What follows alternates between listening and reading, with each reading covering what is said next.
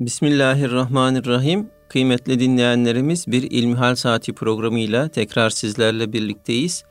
Yüce Rabbimizin selamı, rahmeti ve bereketi üzerimize olsun. Elhamdülillah bir kurban bayramını daha idrak etmiş bulunuyoruz. Sizlerden bize gelen ilmihal sorularına pek muhterem hocamız Doktor Ahmet Hamdi Yıldırım cevap veriyor malumunuz. Muhterem hocam bugünkü ilk sorumuz şöyle. Ölmekten korkuyorum diyen birisinin İslam nazarında durumu nedir? Elhamdülillahi Rabbil Alemin ve salatu ve selamu ala Resulina Muhammedin ve ala alihi ve sahbihi ecmain. Evet, e, ölmekten korkmak gerekir. Çünkü ölümle beraber ticaretimiz bitiyor. Kazanç kapımız kapanıyor. Olabildiğince istikamet üzere yaşamaya niyetli olmak lazım. Bu yönüyle bir Müslüman geçirdiği günleri kar saymalı. Zikirle, ibadetle, taatla günlerini geçirmeye gayret etmeli. Dolayısıyla ölümden korkmuyorum, ölümden korkmak Müslümana yakışmaz türünden iddialı laflar kolayına edilmemesi gereken laflardır. Bir insan ölümden çekinmeli. Ölüm bütün lezzetleri, bütün tatları, bütün zevkleri sonlandıran bir an olduğu için Hz. Peygamber aleyhissalatü vesselam Efendimiz onun çokça anılmasını, ölümden bahsedilmesini ister. Böylelikle insanlar bir endişenin içerisine girerler, bir tedirginlik hali yaşarlar. Yaşadıkları günleri daha verimli hale getirebilmek için, nefeslerini daha yararlı noktalarda kullanabilmek için bir gayretin içerisinde olurlar. Dolayısıyla bir Müslüman ölmekten çekinmeli, ölmekten korkmalı, endişe etmeli. Fakat bu endişe onu bir vesveseye dönüştürmemeli. Öyle insanlar vardır. Her an ölüm korkusu içerisinde yaşarlar. Yaşadıkları anı da kendilerine zehir ederler. Ölüm korkusu yaşadığımız anı kaliteli yaşayabilmeye bizi itmelidir, sevk etmelidir. Bu yönüyle bu korkuyu olumlu bir noktada değerlendirmemiz gerekir. Yoksa ölüm korkusuna kendimizi teslim edip de aman efendim ben öldüm, bittim, artık e, benim için hiçbir şeyin değeri kalmadı diye insanın kendisini salması, efendim akışına bırakması doğru bir hareket olmaz. Evet ölüm haktır. Her canlının başına gelecektir. Önemli olan o ölüme hazırlıksız yakalanmamaktır. Bu yönüyle Müslüman her an öleceğinin idrakinde olarak bir hayat sürer. Bunun anlamı da şudur hiçbir şeyi ötelememek lazım. Yarın yaparım efendim şu dönemden sonra yaparım, şu işimi bitirdikten sonra yaparım diye böyle ötelemeyi Hazreti Peygamber aleyhissalatü vesselam Efendimiz bizlere uygun olmadığını bildiriyor. Öteleyenler, yarıncılar helak olmuştur diyor. Yarın yaparım. Efendim şu işim olunca yaparım diyenler helak olmuşlardır. Çünkü ölüm ansızın gelip kapımızı çalar, bağteten bir an böyle hiç beklemediğimiz bir zaman diliminde gelir bizi buluverir. Efendim ben şunu yapacaktım, bunu yapacaktım, daha şu işlerim vardı, bu işlerim vardı diye bizim bahanelerimize kulak asacak durumda değildir. Bu yönüyle ölüme hazırlıklı olmak önemlidir. Ölüme hazırlıklı olabilmek için de her an ölebileceğimizin idrakinde ve şuurunda olmamız gerekir.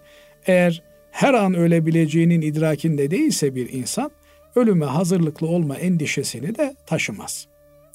Bu açıdan e, efendim ölüm korkusu taşımak olumlu bir duygudur. Fakat bazılarında az önce ifade etmeye çalıştığım gibi ölüm korkusu hayatı zehir haline getiren, hayattan zevk almaya mani olan, yaşadığı zaman dilimini de verimsiz kullanmaya götüren bir vesvese, hastalık haline gelmektedir. Bundan Allah'a sığınmak lazım. Bu kötü bir şeydir. İnsanın e, enerjisini bitirir, tüketir. hayata dair olan beklentilerini yok eder. Böyle bir durumda Allah'a sığınmak lazım. Hayatında ölümün de Allah'a ait olduğunun farkında olarak bunu olumlu yönüne tebdil etmek, değiştirmek suretiyle olumlu bir havaya çevirmek lazım gelir. Unutmamak lazım ki yaşadığımız her anı Allah'ın murad ettiği şekilde yaşayabilirsek bizim için bir kazançtır. Tükenmez bir sermayedir. Bu noktadan e, ölüm korkusu bize daha fazla bir şeyler yapabilme heyecanı bahşetmelidir. Her an ölebilirim. Hazırlıklı olmalıyım. Dünyada kimseye borçlu kalmamalıyım. Her türlü borcumu, harcımı kapatmalıyım. Ve Azrail aleyhisselama hoş geldin diyebilecek bir kıvamda hayatıma devam etme imkanını kendimde bulabilmeliyim. Şöyle de bir yanlışın içerisine düşüyoruz. Yeri gelmişken ifade edeyim. Yolculuk bitsin de ondan sonra gittiğim yerde dinlenirim. Hayır, yolculuğu yolun tadını çıkartarak yapmak lazım. Her anı, her nefesi kıymetli bilerek bir hayat sürmek lazım. Sofilerin çok güzel ifade ettikleri bir terim var. İbnül vakt olmak. Zamanı anında yaşamak. Yani şu anda ne yapmamız gerekiyor ise onu en güzel şekilde yapmaya gayret etmek. Cenab-ı Allah bize ne imkan vermişse o imkanları Allah yolunda seferber edebilmek. Cenab-ı Allah bizi nerede istihdam ediyorsa orayı bir nimet bilip onun hakkını vermeye gayret etmek lazım. Binaenaleyh böyle yaparsak ölüm bir gün geldiğinde ona hazırlıklı olarak yakalanmış oluruz. Rabbim iman selametiyle bu dünyadan göçüp gidebilmeyi, ahirete sevdiklerimize kavuşabilmeyi hepimize nasip ve müyesser eylesin. Amin. Allah razı olsun hocam. Efendim şimdi diğer bir dinleyicimiz selamünaleyküm diyor. Peygamber farzı diye bir ifade duydum. Teravih ve fıtır sadakası için peygamber farzı var mıdır? Teşekkür ederim diyor. Ben de ilk defa duyuyorum böyle bir şeyi. Hazreti Peygamber aleyhissalatü vesselam Efendimiz bir takım şeyleri bize emretmiştir. Bir takım şeyleri yasaklamıştır. Onun emrettiği şeyleri elimizden geldiğince, gücümüzün yettiğince yerine getirmemiz gerekir. Onun bize yasakladığı şeyleri de bırakmamız, terk etmemiz gerekir.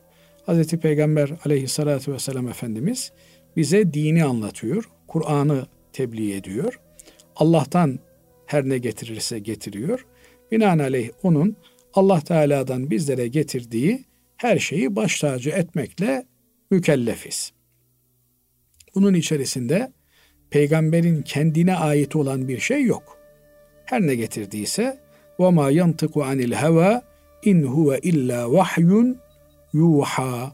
Hazreti Peygamber hiçbir peygamber kendiliğinden, kendi arzusundan, hevasından konuşmaz.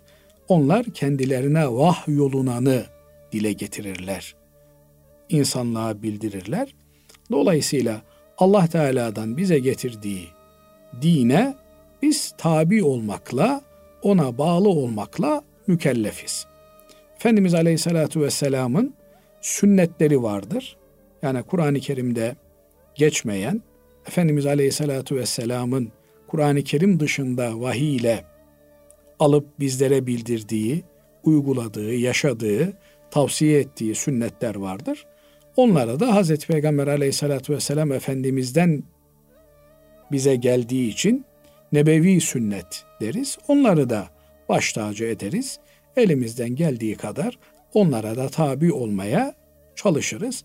Fakat böyle peygamber farzı diye bir ifadeyi ben de ilk defa duyuyorum. Böyle bir ayrımın da söz konusu olacağını zannetmiyorum. Evet. Şimdi diğer bir dinleyicimizin sorusuna geçelim. Efendim şöyle yazmış bize dinleyicimiz 25 yaşında Nişanlı bir bayanım. Nişanlımın namaz kılmadığını biliyordum ama oruçlarını düzenli tutmadığını bilmiyordum. Bunu yeni öğrendim, kafam karıştı. Onunla konuştum. Her şeyi seninle yapacağım, namaza da seninle başlayacağım dedi. Ama içim rahatlamadı. Ailesi ve çevresi açık olduğu için tedirgindim.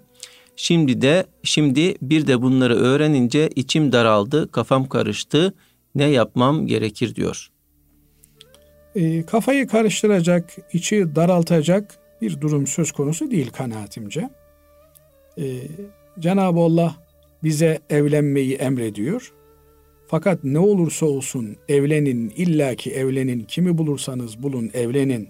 Bakın 25'ine geldiniz, 30'una geldiniz, 40'ınıza geldiniz, evde kalırsınız. Kim olursa olsun illaki evlenin diye bir emir söz konusu değil. İnsan dengini bulduğunda evlenmeli. Denk ifadesi de çok önemli bir ifade.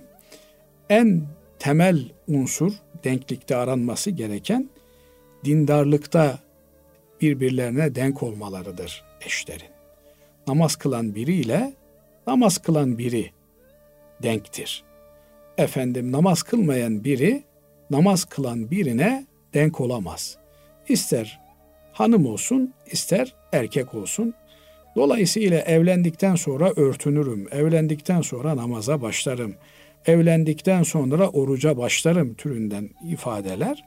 Bunlar pek inandırıcı olmayan rüşveti kelam kabilinden gelişi güzel söylenmiş olan sözlerdir. İnsanlar önce birbirlerini dindarlıkları üzerinden tartmalılar. Dini hassasiyeti var mı? Allah korkusu var mı? Dini emirlere karşı, yasaklara karşı ne derece duyarlı? Bu noktaya bakmalılar. Namazı olmayan, orucu olmayan, camiyle, cemaatle işi olmayan bir damat adayının hiçbir şekilde dindar olan bir hanımefendi ile denk olduğu söylenemez. Efendim evlilikte keramet vardır. Evlendikten sonra düzelirler. Düzelmediler. Böyle bir tehlikeye, böyle bir efendim riske insan girer mi? Cenab-ı Allah bütün kızlarımıza da erkek evlatlarımıza da hayırlı nasipler lütfetsin, bahşetsin. Ama insan evleneceği kimseyi kılı kırk yararcasına yarması gerekiyor. Evlilik maalesef e, zamanımızda böyle bir deneme tahtası olarak değerlendiriliyor. Efendim baktık olmadı, anlaşamadık, ayrılırız. Bu nokta en son başvurulacak bir çaredir. Buraya gelmeden önce kılı kırk yarmak gerekir. Binaenaleyh az önce de ifade etmeye çalıştığım gibi ilk bakılması gereken nokta tarafların dini hassasiyetleridir. Allah'ın hukukuna riayetleridir. Kul hakkına riayetleridir, özenleridir, merhametleridir. İnsanın kendine merhameti yoksa başkasına merhameti olmaz. Yani bir insan namaz kılmıyorsa onun kendine merhameti yok demektir. Namaz kılmamak nankörlüğün en büyüğüdür. Yani her şeyi veren yüce yaratıcı bizden bir namaz istiyor kulluk olarak. Onu da vermemek, yapmamak hakikaten bir insanın yapabileceği bir şey değildir. Bu yönüyle Allah'ın hukukuna riayet etmeyen birinin kullarının hakkına riayet etmesi düşünülemez. Bu kardeşimize tavsiyemiz yol yakınken, henüz yolun başındayken, yola girmemişken bu işten sarfı nazar etmesi, namazında, niyazında kendisine denk olan kültürel olarak, sosyal olarak, efendim din diyanet olarak kendisine denk olan birini araması, bulması, bunun için dua etmesi Cenab-ı Allah'a. Değerli hocam denklikten bahsettiniz evlilikte.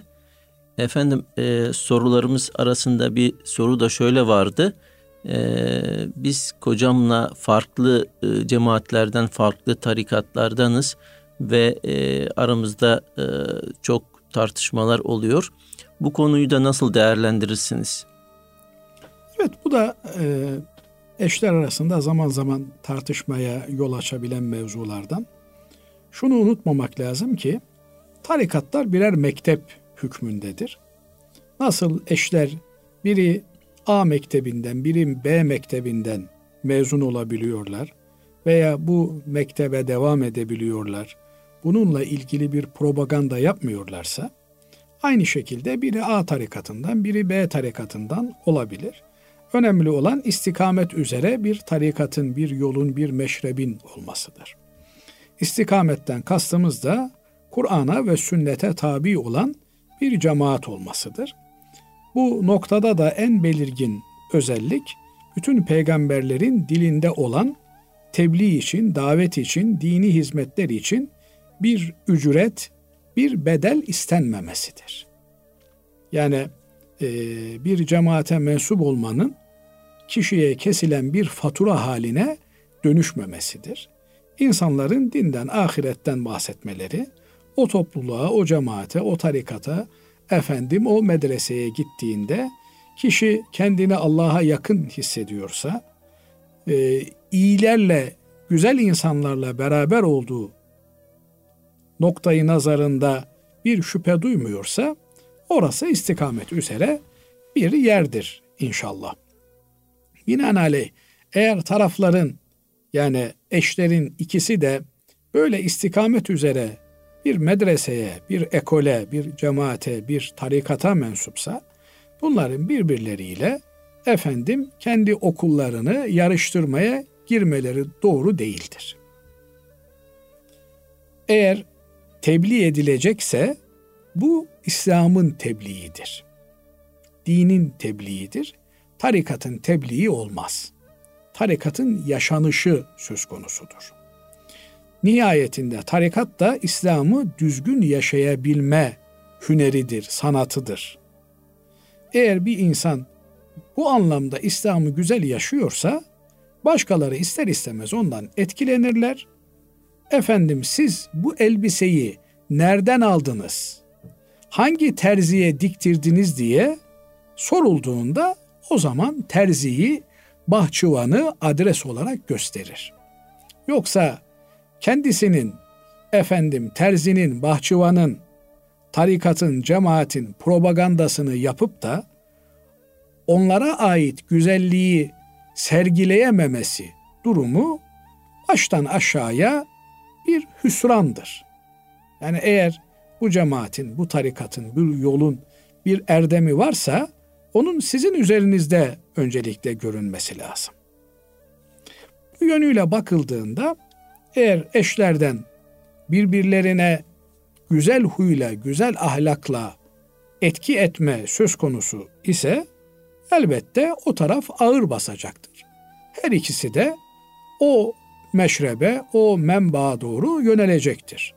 Ama ikisi de güzel bir kaynaktan besleniyorsa, efendim benim ağız tadıma Hamidiye suyu uygun, efe öbürününkine de Aziziye suyu uygunsa, herkes kendi meşrebinde, kendi menbaında, kaynak suyunda devam eder.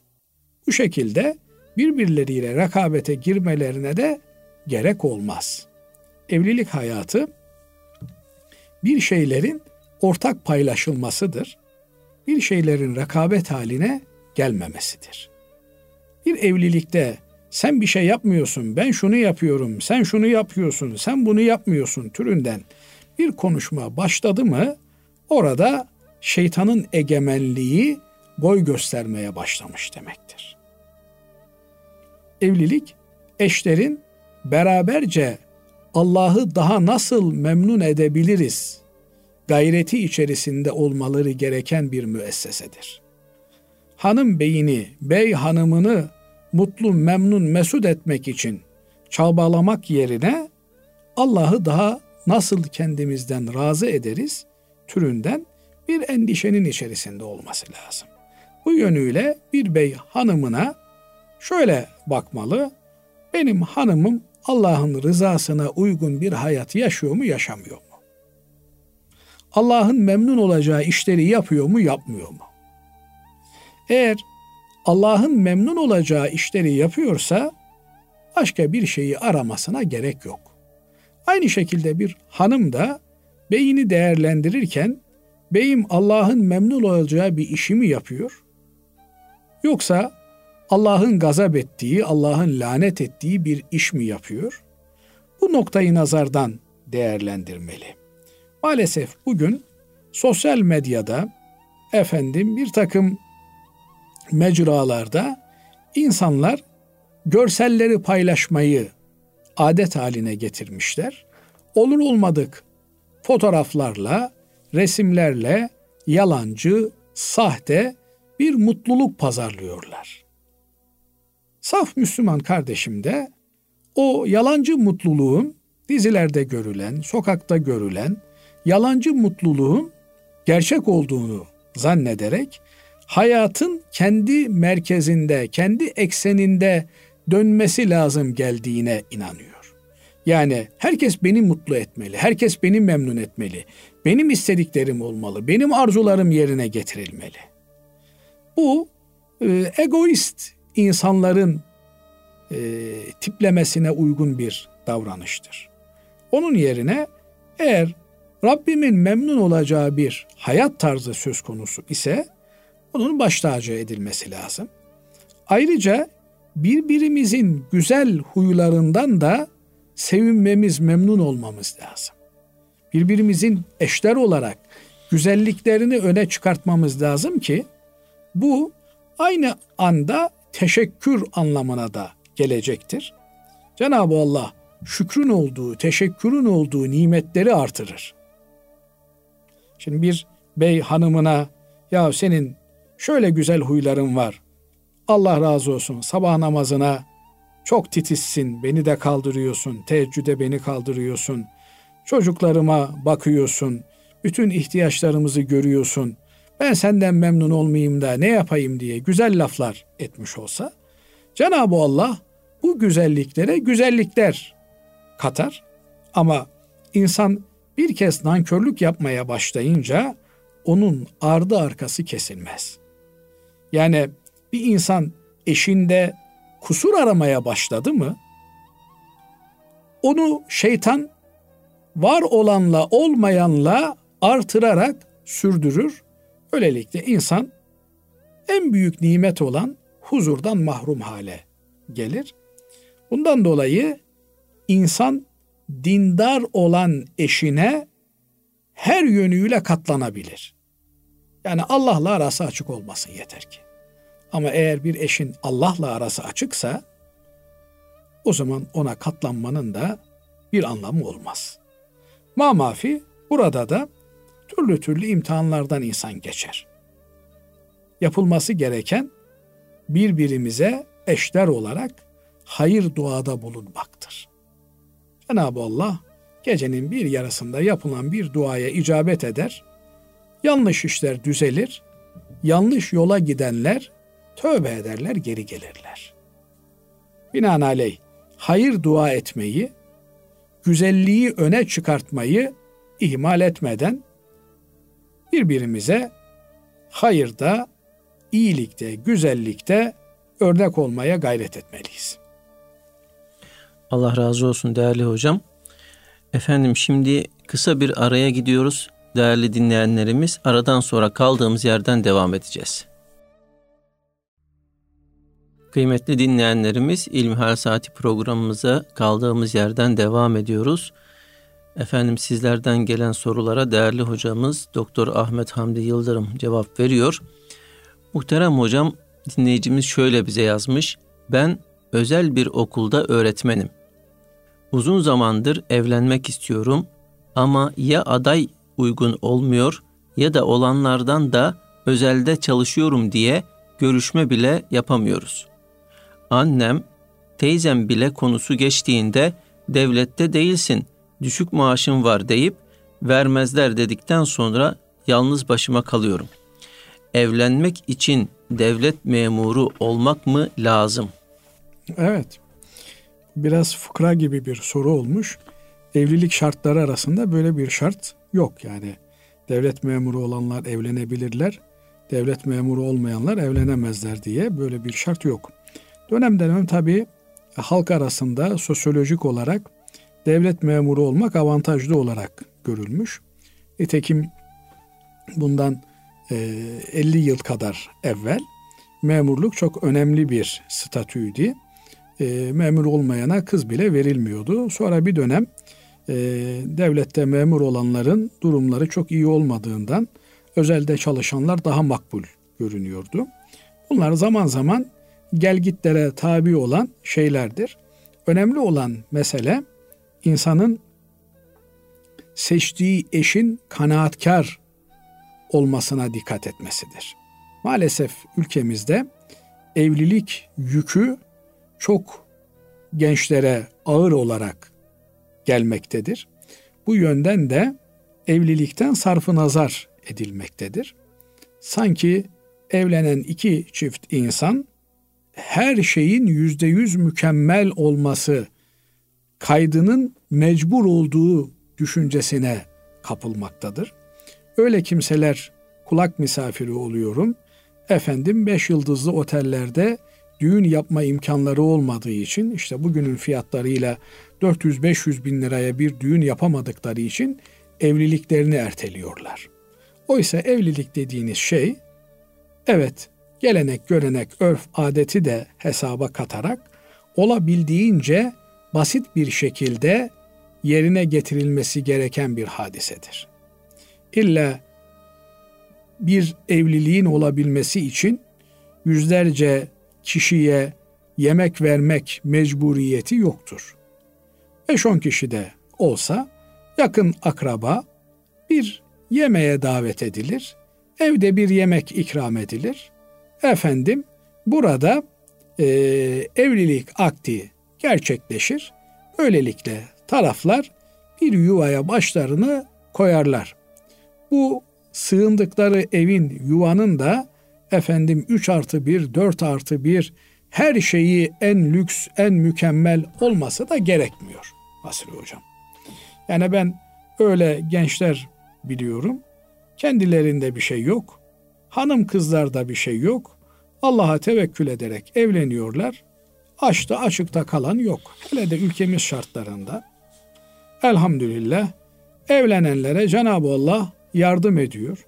Birçok vakıf, dernek bu hususta seferber olmuş durumda.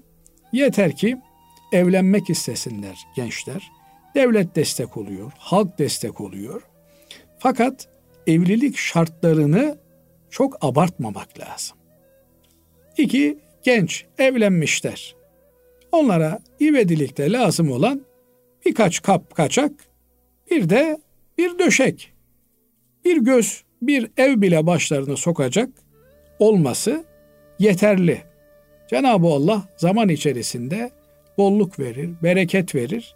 Hiç ummadıkları, beklemedikleri yerden onlara nice taltifler olur. Ama evlenmeden önce efendim doğacak olan çocukların odasını bile hesaba katıp onların ihtiyaçlarını aman eksik kalmasın bir şey diye tamamlama endişesiyle insan yola girdiğinde bunun sonu gelmiyor. Böyle durumlar da gençleri korkutuyor, ürkütüyor. Oysa yani bu gençler şu anda anneleriyle babalarıyla yaşıyorlar. Hayatları devam ediyor. Efendim belki kişisel olarak yaptıkları masraflar evlendiklerinde yarı yarıya düşecek. Dolayısıyla devlet memuruymuş, özel de çalışan biriymiş, böyle bir ayrıma gitmeden insan kendi dengini, kendi ekonomik şartlarını kabul edebilecek birinden seçmeli, onunla devam etmeli. Nihayetinde efendim devlet memuru da olsan, devlette bakan da olsan senin statünü beğenmeyecek bir sürü gelin adayı olduğu gibi hiçbir şeyin olmasa, meteliğin de olmasa, züğürt de olsan seni alabilecek gelin adayları vardır. Dolayısıyla insan kendi dengini az önce de ifade etmeye çalıştık. Kendi dengini ekonomik olarak da kendi dengini bulmaya gayret etmelidir. Böyle olunca samanlık seyran olur demişler. Ama ekonomik endişelerle ki bugün yapılan düğünlerin, düğünlerde yapılan harcamaların, masrafların, düzülen evlerin, getirilen çeyizlerin, yapılan efendim dekorasyonların e, kısmı azami başkalarına reklam olsun, gösteriş olsun diye yapılan şeyler. Aman el alem ne der? Bizi böyle görürlerse ne derler? Hiç çeyizi yok muydu derler. Bu nasıl ev derler. İnsanlar gelecek ele güne rezil oluruz. Türünden tamamen işi boş, aslı astarı olmayan, Allah katında karşılığı olmayan bahanelerle insanların, gençlerin hayatlarını karartmaya ve onları haramla burun buruna getirmeye kimsenin hakkı yok. Bu kapitalist dünyanın sömürgeci unsurların daha fazla tüketimi kamçılamak için uydurdukları şeyler. Evlenmiş çiftleri sevmezler. Çünkü evlendiklerinde iki kişi bir buzdolabı kullanacak, iki kişi bir çamaşır makinesi kullanacak. Ama ayrıldıklarında herkes ayrı ayrı kullanacak. Dolayısıyla tüketim dünyasında kapitalist çağda ne kadar insanlar bireysel olurlarsa o kadar daha fazla tüketici anlamına gelir. Oysa evlenmek suretiyle insan en azından yüzde elli tasarruf yapar. Düşünsenize bir ışığı iki kişi kullanıyorsunuz. Efendim bir kaloriferi iki kişi kullanıyorsunuz. Dolayısıyla Cenab-ı Allah bereketini verir. Yardım eder ama sen evliliği Allah için yapmaz. Evi donatırken, döşerken ihtiyacın olan şeyleri değil de millete gösteriş olsun diye. Efendim tamamen lüks olsun, millete sükse olsun diye bir takım çabaların içerisine girersen Allah da insanı kendi haliyle baş başa bırakır. Yoksa Allah'ın razı olacağı şekilde bir ev düzüp bir eş bulup da evlenen kimseyi Cenab-ı Allah açta açıkta bırakmamıştır.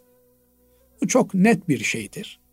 Evlenecek olan, evlenmeyi düşünen kardeşlerime buradan acizane tavsiyem bir an önce evlenmeleridir. Evlenmeyi ötememe, ötelememeleridir. Yok okul bitsin, yok mektep bitsin, yok efendim kış bitsin, yaz bitsin diye değil. Bir an önce dengi birini bulduklarında ki denk meselesi önemli. O da insanın dünya ahiret gözünün aydınlığı olacağı bir kimsedir. Ahirette kiminle olmayı istiyorsa dünyada da onunla bir yuva kurmayı hedeflemelidir. Elbette evde, ev halinde iyisi de olur, kötüsü de olur. İnsanlar açta kalırlar, bir gün tokta olurlar. Hz. Peygamber Efendimizin üç gün evinde peş peşe ocak yandığı olmamış. Yani demek ki üç gün düzenli yemek pişmemiş. Bir gün pişmiş, bir hafta pişmemiş. Binaenaleyh bu tür şeyleri abartmamak lazım. Hele de memleketimiz şartlarında açlıktan, açıktan kimse ölmüş değil. Cenab-ı Allah kanaat zenginliği versin. Herkese lütfeylesin. Böyle bir kanaat zenginliğine sahip olan kimse her türlü zenginliğin üstünde demektir. Evet. Evet. Allah razı olsun hocam. Efendim şimdi ee, farklı bir konuya geçiyoruz. Şöyle diyor dinleyicimiz. Bursa'nın merkezinde değerli bir arsamız var. Önce satmak istedik fakat meblağ yüksek olduğu için alıcısı çıkmadı. Kat karşılığı talepleri var. Burada AVM yapıldığı takdirde içinde bankaların veya içki satan işyerlerin olması söz konusu olacaktır. Bunda bizim bir vebalimiz var mı diyor. Tabi e, Maide suresi çok açık temel hükümler vaz ediyor. Öncelikle diyor ki ve taavenu alel birri ve takva ve la taavenu alel ismi vel udvan. İyilik ve takva üzere işbirliği yapın. Günah ve yasak olan şeylerde, düşmanlık olan şeylerde işbirliği yapmayın diyor. Binaenaleyh bizim yapacağımız işler, ortak olarak yapacağımız veya e, destek olacağımız, lojistik sağlayacağımız her işte temel kriterin bu olması lazım. Eğer bir hayır varsa, sevap varsa her türlü işbirliğine, ortaklığa açık olur bir Müslüman. Bu ortaklığın dünyevi anlamda getireceği zahmetlere de bakmaz. Efendim ortaklık yapmak zor iş. Kimsenin ağzının kokusunu çekemem ben. Kimsenin kahrını çekemem, kimseye hesap veremem. Türünden bir bahaneye sığınamaz Müslüman. Eğer bir yerde hayır varsa, bir yerde sevap varsa orada ortaklık yapar. işbirliği yapar. Destek olur, yardımcı olur. Bana ne başkası yardımcı olsun diyemez. İmkanı varsa tabii. Gücü yetiyorsa her türlü hayırda, sevapta benim de bir nasibim olsun, payım olsun der. Ama elbette bir insanın her şeye gücü yetmez. Gücünü ona göre kontrol kontrollü bir şekilde kullanması, sürdürülebilir bir şekilde kullanması gerekir. Efendim yapacağımız bir hayır var. Onu ben bir defa yapayım. Ondan sonra artık hayır hasanatla, iyilikle, sevapla ilişiğimi keseyim. Böyle bir şey de yok. Sürdürülebilir son nefese kadar götürülebilir. Hatta bizden sonra nesillerimizin de devam ettirebileceği, zürriyetimizin de devam ettirebileceği bir şekilde kontrollü olarak her türlü hayrın, sevabın içerisinde yer almaya bir defa ruhen hazırlıklı olmamız lazım. Böyle beklememiz lazım. Bugün benim nasibime ne tür bir hayır düşer? Bugün Müslümanların işlerine nasıl yardımcı olabilirim?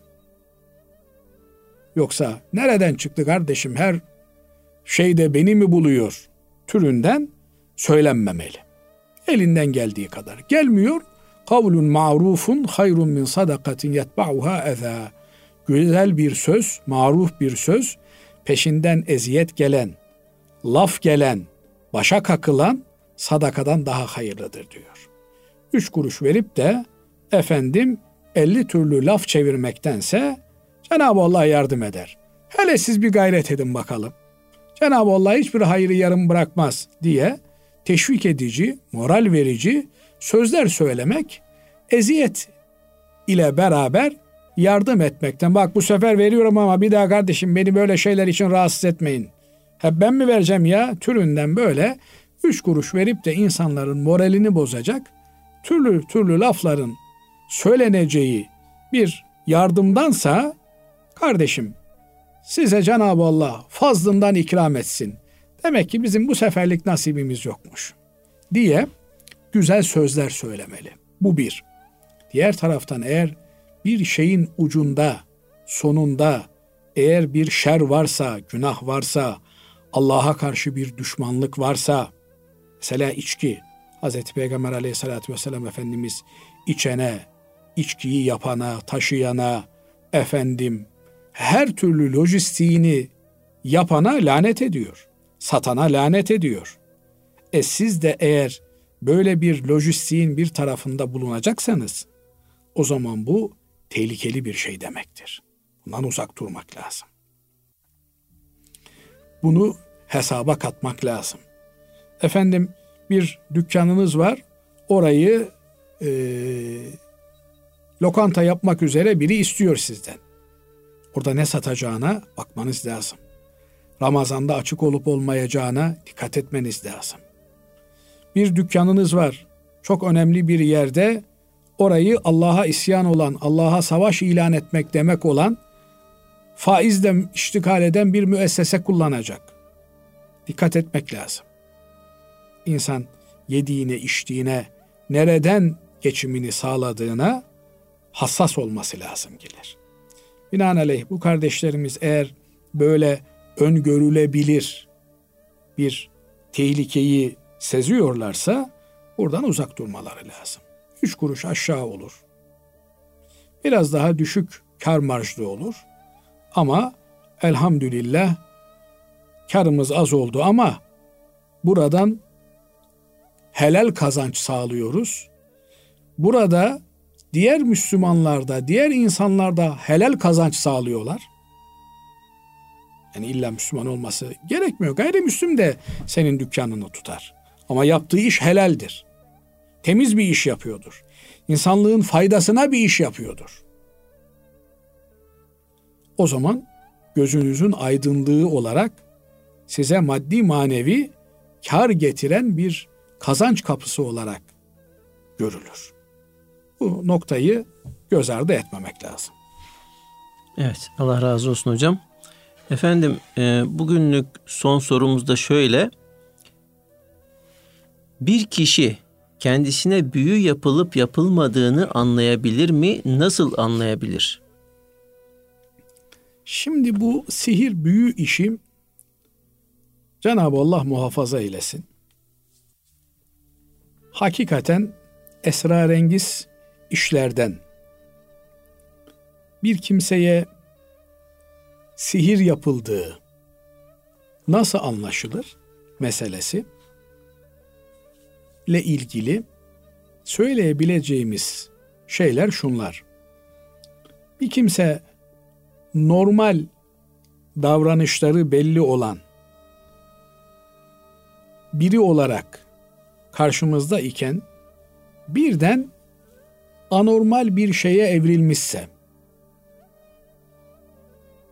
mesela ben sizi Allah için seviyorum Basri hocam. Allah razı olsun. Aramızda bir seviyorum. muhabbet var. Allah razı olsun. Birden bu muhabbet husumete çevrilmişse ve bunun bilinen, görünen bir gerekçesi yoksa o zaman burada bilemediğimiz bir tesir söz konusu. Bu bir nazar olabilir. Yani bakmış ki insanlar iki Müslüman birbirine muhabbet ediyor, kıskanmış, haset etmiş ki haset çok tehlikeli bir huydur. Allah hepimizi muhafaza eylesin. Hem haset edeni yer bitirir hem de haset ettiği kişiye olumsuz etkileri olur. Nitekim bundan dolayıdır ki biz e, Felak suresinde haset edenin haset etmesinden Allah'a sığınırız. Kul a'udu bi rabbil felak en sonunda min şerri hasidin izâ haset. Felakın, sabahın ilk ışığının Rabbine sığınırım. Sığınılan şeylerden bir tanesi de haset ettiği zaman hasetçinin şerridir. Haset eden kimsenin tabi tefsir kitaplarımız bu noktayı açıklarken her türlü hile, desise, efendim Hani Türkçemizde meşhur bir laf vardır. Su uyur, düşman uyumaz. Hasetçi düşman demektir. Haset ettiği kimseye her türlü kötülüğü yapar. Onun için onun şerrinden Allah'a sığınmak lazım. Bu nazar etmek, haset etmek türünden manen bir kötülük olabileceği gibi ne bileyim maddeten de ona zarar verme cihetiyle yemeğine abuk subuk şeyler karıştırmaktan tutun da ayağına çelme atmaya varıncaya kadar eğer bir düşmanlığı varsa birinin birine o düşmana karşı uyanık olmak lazım geldiği anlamına da gelir. Binaenaleyh böyle bir şeyden tereddüt ediliyorsa, kuşkulanılıyorsa bu noktada daha fazla Hz. Peygamber aleyhissalatü vesselam Efendimizin tavsiyesi olmak üzere Bakara suresini okumak lazım. Efendimiz Aleyhisselatü Vesselam Bakara suresi okunan eve batıl işlerle uğraşanların sihri tesir etmez buyuruyor. Bakara suresinde de özellikle ayetel kürsü ve amener resulü en önemli iki unsuru teşkil ediyor. Ayetel kürsüyü sabah akşam yedi kere okumayı ihmal etmemek gerekiyor. Aynı zamanda da Felak ve Nas surelerini hatta İhlas suresiyle beraber sabah akşam üçer defa okumayı da adet haline getirmek gerekiyor. Tabi e, sihir ve büyü insanın psikolojik yapısına, ruhi tarafına tesir ettiği için bunun sağlamasını yapmak kolay değil. Bu hususta tabirimi mazur görün, ammiyane ifadesiyle piyasada da bu işin üç kağıtçıları, dolandırıcıları çok. Bundan dolayı bir insan kendisinde böyle bir manevi takatsizlik, isteksizlik, efendim bir bezginlik sebepsiz yere olur, işleri bozulmuştur. Efendim ne bileyim arabasıyla giderken kaza yapmıştır. Patron kızmıştır. Hanımla kavga etmiştir. Ondan dolayı manen bir çöküntü yaşıyordur insan. Bir sebebi var, bir karşılığı var. Ama öyle değilken yani normal şartlarda mutlu olması lazım. Hani Akif'in dediği gibi eşin var, aşiyanın var. Yani her şeyin yerli yerinde. Bir sıkıntın yok. Niye o zaman bu mutsuzluk, bu ümitsizlik? Dün iyiydin, bugün birden böyle bir kasvet hali insanın üzerine geldi. Bir durgunluk, bir efendim şuurda kapanma meydana geldi. O zaman demek ki e, manen tesir altında kalmış demektir insan. Ya nazar olmuştur ya bir haset vaki olmuştur. Ya biri böyle e, lüzumsuz bir şekilde e, bir şeyler yapmıştır. Efendim biri beddua etmiştir. O da olabilir. Yani biz hep böyle sihire vesaireye filan çeviriyoruz işi ama yani kötü enerji sizin üzerinize yaymış diyebilir miyiz hocam? Yani işte o kötü enerjinin e, tercüme edilmiş hali insan böyle takatsiz kalıyor. Evet. Birden böyle e, efendim neşeniz keyfiniz yerindeyken içeriye biri geldi hmm, yaptı gitti sizin böyle eliniz ayağınız kesildi böyle nefes alamaz hale geldiniz. Buralar e, bir takım e, göstergeler ifade ediyor. Bu tür noktalarda insanın yapması gereken şey Allah'a sığınmaktır. Ayetel Kürsü okumaktır. Muavvizat dediğimiz efendim İhlas, Felak ve Nas surelerini okumaktır. Allah'a sığınmaktır.